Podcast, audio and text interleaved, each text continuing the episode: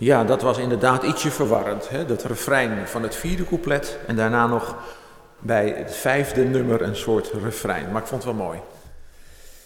Ik ga een gedeelte lezen. Ja, u kent dat allemaal al, dat gedeelte wat ik ga lezen natuurlijk. Want dat is het meest bekende stukje uit de Bijbel, denk ik. Lucas 2, vers 6 eh, en 7. Daar staat, terwijl ze daar waren, brak de dag van haar bevalling aan.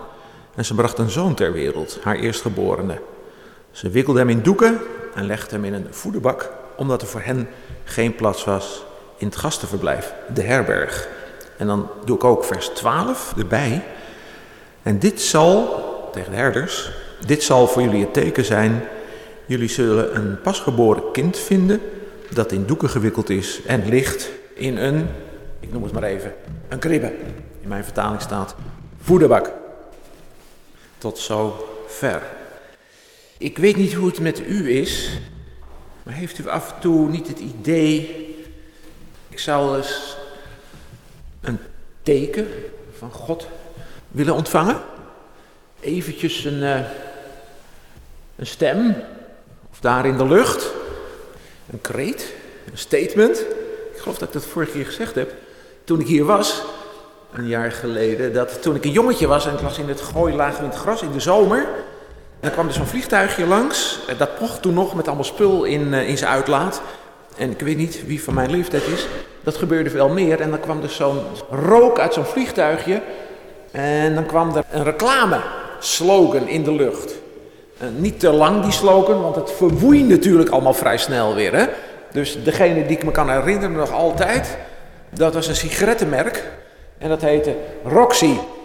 En dat kon je nog net zien en lezen. Dus dan lagen we in het gras, een beetje romantisch, met een sprietje in onze mond, zo ging dat. En dan kwam de R langzamerhand. En dan de O, X, en dan wisten wij het natuurlijk al. Daar kwam Roxy te staan. De sigaret. En dan ging het waaien en dan was het weer weg. En ik dacht toen niet hoor, want zo'n gelovig jongetje was ik niet. Maar nu zou je haast denken, het zou mooi zijn als God eventjes daar, uh, ja zo'n ding, zo'n kreet. Ik ben, ik ben die ik ben, om maar zijn naam uit Exodus 3 te noemen. Heeft u dat niet? Ik heb het wel eens hoor. Als je in gesprekken met mensen die niet gelovig zijn of zoekend gelovig, misschien zijn jullie dat wel, een beetje zoekend gelovig. Als je zo bent dat je denkt, nou heer, help, help me even. Help me even. Ik vertel het verhaal wel in alle, alle krakkemikkigheid. En als u nou even daar in de lucht wat zet, of u laat even een stem horen, dan samen komen we er wel uit. Zoiets. Heeft u het niet? Ja, ik zie het. U weet het ook wel eens. Nou, ik heb het ook wel eens. Heer, even een stem. Even door de stilte heen breken. Geef mij een teken. Niet zozeer voor mezelf. Ik heb dat niet zozeer nodig, denk ik, in mijn geloof. Nee, nee, ik heb geen teken nodig, maar wel een teken voor die ander met wie je vaak in gesprek bent. Nou, tot nu toe is dat niet gebeurd. Ja, ja, tot nu toe is het wel gebeurd. Ja, dat is waar. Het is wel gebeurd. Want ik lees hier in vers 12 van Lucas 2. En dit zal voor jullie een teken zijn. Dus weg met Roxy. En weg met een donderende stem uit de hemel. Het teken is al gegeven. Dit zal u het teken zijn. Alleen, het is natuurlijk wel een teken wat niet heel overdonderend was. We leven nu in dat venttijd, sinds drie dagen. Dus we staan er weer bij stil. Je zou hebben gedacht, God, als u uw zoon laat sturen, weet u waar u dat moet doen? Ik zal even een lijstje aan u geven. U moet hem naar Rome sturen, of naar Jeruzalem, of naar andere belangrijke stad in die tijd, Constantinopel, of naar Alexandrië. En doet u dat dan met eventjes met veel lawaai. Wat in onze tijd een beetje past natuurlijk. Heer, want dan zullen ze zien dat u geboren wordt. Dat u de koning der Joden bent en de koning voor ons. Doet u het zo alstublieft, zou ik gezegd hebben. Dat teken. En weet je, zo is God niet. Zo is God niet. Ik zeg er achteraf bij, gelukkig, dat ga ik zo vertellen. Zo is God niet. God laat zijn zoon geboren worden uit een maagd. Dan begin je al met een ongeloofwaardig verhaal. Hij laat zijn zoon geboren worden in een achterlijk dorp. Bethlehem. Niet Jeruzalem, niet Rome, niet Constantinopel. Hij laat zijn zoon geboren worden in een voederbak. Kribbe blijven we zingen natuurlijk, anders dan rijmen alle kastliedjes niet meer. In een kribbe. En hij laat zijn zoon geboren worden, terwijl verder niemand dat ziet in een stal. Het was niet eens een stal, het was een open ruimte. Het was ook niet overdekt of zoiets. Dus alle romantische beelden die u heeft van de stal in de kribbe, vergeet het allemaal maar. Het was veel ruiger nog. Dat was het. Zo deed God het. Precies tegenovergesteld wat ik had graag gewild. Misschien wel, en u. Helemaal zo.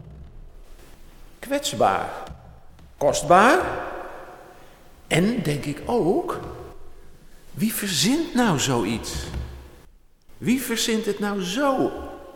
Wij mensen, ik, zou het anders verzonnen hebben.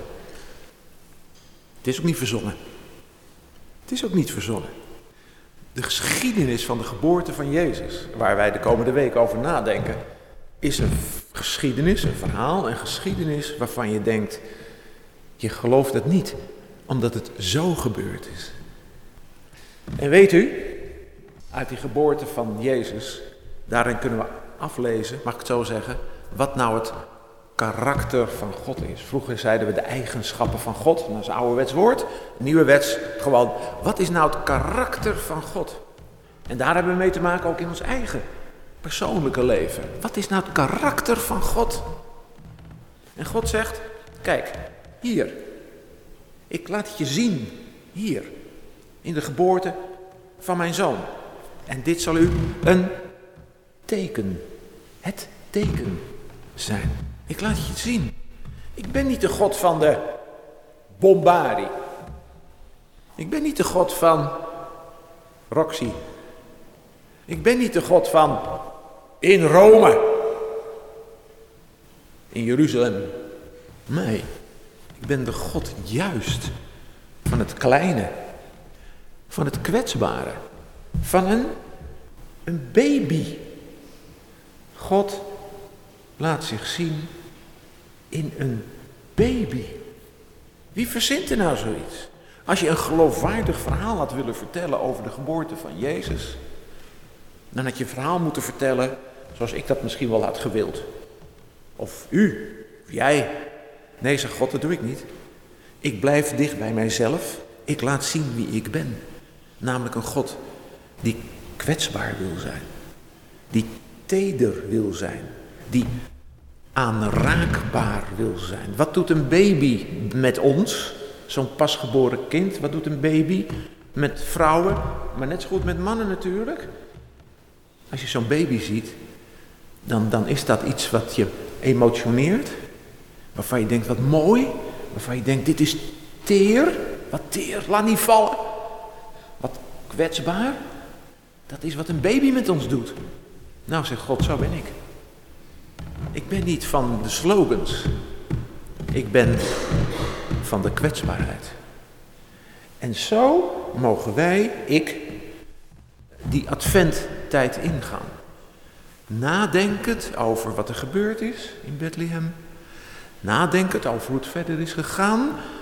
Want het is een God die niet alleen in een kribbel lag, maar uiteindelijk ook aan een kruis hing. Nog zo'n ongeloofwaardig verhaal. Zijn uh, troon was een kribbe, hè? Nee, zijn troon was een kruis. Ja, dat. Van kribbe naar kruis. En voor mijn vermoeide ziel, in deze tijd ook, en voor mij de vraag van, Heer, één keer, Roxy, zegt God, joh, ik ben heel dicht bij jullie gekomen. In die kribbe. Kijk nou maar naar dat kind. En als je naar het kind kijkt, dan weet je wie ik ben. Dan weet je wie ik ben. Dan sta ik zo helemaal dicht bij je. Nou, dat troost mij. En die troost geef ik door vandaag, de eerste woensdag van Advent, aan jullie, aan u. God wil heel dicht bij je zijn. Hij wil zo dicht bij je zijn dat hij zei, ja dichterbij kan hij toch? Ik ga een baby voor jullie worden, voor mij. Met al mijn ideeën van, Heer, nee hoor, ik wil een baby worden. En uh, ik kwam, ik citeer nu het gezang van zometeen, hij kwam bij ons, heel gewoon, de zoon van God, de mensenzoon. En hij diende ons ook nog eens een keer als een knecht. En hij heeft voor ons ook zijn leven afgelegd. Wat een heerlijk evangelie, hè? vindt u niet? Wat een prachtig evangelie is dit. Ja, het is haast te mooi om waar te zijn. Maar het is, ik mag het u zeggen, vanmiddag hier in Amsterdam. Het is waar. En ik hoop dat u en ik en wij allemaal de komende, hoeveel dagen hebben we nog? 28 min 2, 26 dagen. Dat we mooie adventsdagen zullen hebben. Waarbij we denken aan dat teken wat de herders kregen. Dat teken. Ga maar naar Bethlehem, daar vind je een voederbak. En in die voederbak, daar ligt God. Zo dicht is God voor ons. Daar gaan we bijna over zingen, zie ik. Want we krijgen eerst de muzikale improvisatie. Ik wilde al meteen gaan zingen. Maar we hebben ook een organist, Everhard Zwart. En die mag ook nog even met ons mooi improviseren. Everhard?